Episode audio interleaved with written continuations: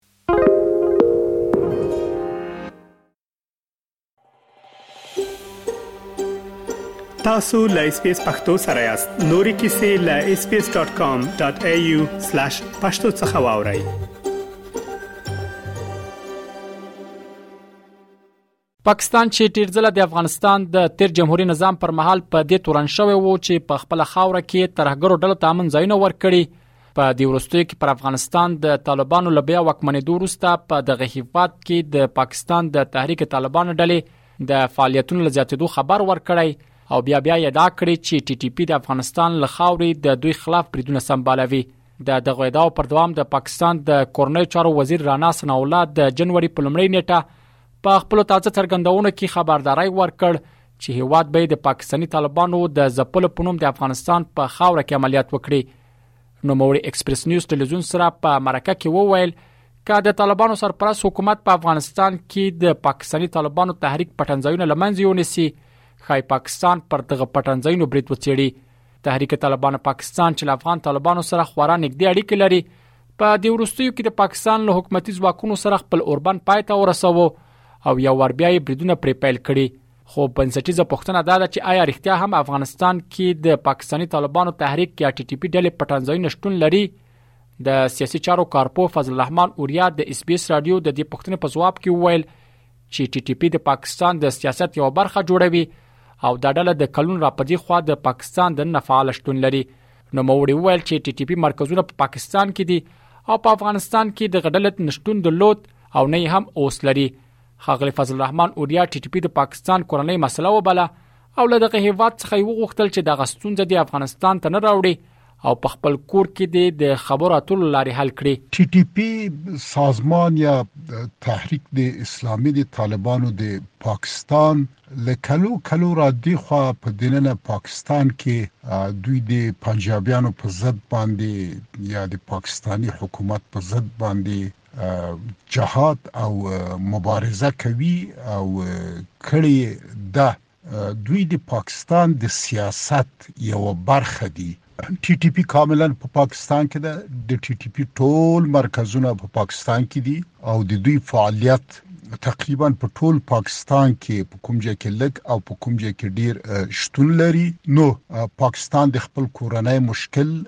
افغانستان ته نه راوړي او باید رای هم نه وړي دا د پاکستان یعنی ټی ټی پی د پاکستان کورنی مشکل ده، کورنی مشکل دې په خپل په کور دننه کې د خبرو اترو پر بنسټ باندې باید حل کړي. د سیاسي چارو کارپوه فضل الرحمن اوریا د پاکستان د کورنیو چارو وزیر وروستۍ څرګندونه چې هیواد به یې د تحریک طالبان پاکستان د ځپلو په نوم د افغانستان په خاوره کې عملیات وکړي په حقیقت کې د افغانستان پر ضد یو اعلان شوی جنګ په ګوته کړ نوموړي وویل دغه ډول څرګندونې د دواړو هیوادونو په ګټه نه دي او په کار ده چې د پاکستان د کورنیو چارو وزیر د خپل دغه څرګندونو لامل بخښنه وغواړي د پاکستان د کورنیو چارو د وزیر دا څرګندونې دا په حقیقت کې د افغانستان په ضد باندې یو اعلان شوی جنګ او جګړه ده زما اند دا ده چې د پاکستان د کورنیو چارو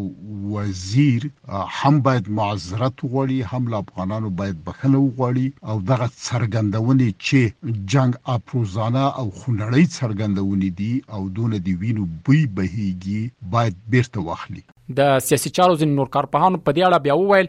پاکستان باید په نړیواله کچه دا په اثبات ورسوي چې آیا رښتیا هم د پاکستاني طالبانو تحریک یا ټي ټي پي غړي په افغانستان کې حضور لري او کنه. د سیاسي چارو دغه کارپوهانو وویل کچیر پاکستان په دې اړه کره شواهد او اسناد ونه لري نو دغه هیواد سیاسي موخه لري او په دې توګه غواړي چې په افغانستان کې پوځي مداخله وکړي لومړی دا چې د نړیوالو اصولو پر بنیاد باندې یو هیواد حق نه لري د بل هیواد په کورنۍ چارو کې مداخله وکړي کچیر هم د غه هیواد نه کوم خطر احساسي لومړی دغه هیواد چارواکو ته ډیپلوماټیکو چینلونو لارنه هغوی ته ویل کیږی هغه خپله دا مسله مهاری. پاکستان چه اوسیدا که چه ټی ټی پی یا تحریک طالبان پاکستانی په افغانستان کی دی دوی ته خطر ده اول د دا ثبوت کی په نړیواله کچه بناء دا که چیری ثبوت نه لری او د اصول د پښو لاندی کیی دلته پاکستان یو سیاسی موخه لری غواړی چه په دی ډول باندی راسی د افغانستان ته خپله پوځی مداخله وکی ځکه ضعف د افغانستان دولت نه دا استفاده کیی او غواړی ځینی سیمی د ښکېلاک کې د افغانستان. دا نه منطقي لاره ده او نه د حقوقي له اړخه او نه هم کوم دولت دا حق لري چې د نورو دولتونو په چارو کې دوی مداخله دې وکړي. که چېرته دغسې موارد يي نو دوی دې راسي په ثبوت اسنادو سره دې د ملګرو ملتونو سازمان ته نورو بنسټونه ته دې وړاندې کړي خو زه فکر نه کوم چې دغه مسله وي بلکې د دې مسلې تر شا د دوی سیاسي اهداف پراته دي چې غواړي په یو ډول دوی د خپل هغه کوم حیثیت چې اوس په نړیواله کچه لري تر پښتنې لاندې راغلي هغه بیا ځلې اعمار کړي له طالبانو مو د پاکستان د کورنۍ چارو وزیر د څرګندونو او په افغان خاوره د پاکستان د احتمالي برید په اړه وپوښتل خو د دې ډلې مرستیال ویاند بلال کریمي اس بي اس راډیو ته یوازې همدومره وویل چې دوی معلومات کوي چې هغه څه ډول خبرې کړي او وروسته به بیا نظر څرګند کړي خو په قطر کې د طالبانو د سیاسي دفتر ویاند نعیم وردګ بیا په خپل ټویټر پاڼه په دې اړه لیکلی وو چې د افغانستان په خاوره کې د ټي ټي پي د مرکزونو د شتون په اړه د پاکستاني چارواکو وروستۍ څرګندونې حقیقت نه لري نوموړي له پاکستاني چارواکو غوښتي وو چې د بېځایه تورونو او هغه څرګندونو څخه چې د دواړو هیوادونو په اړیکو منفي اثر کوي په کلکه ډډه وکړي او خپلې کورنۍ ستونزې د خبرو اترو له لارې حل کړي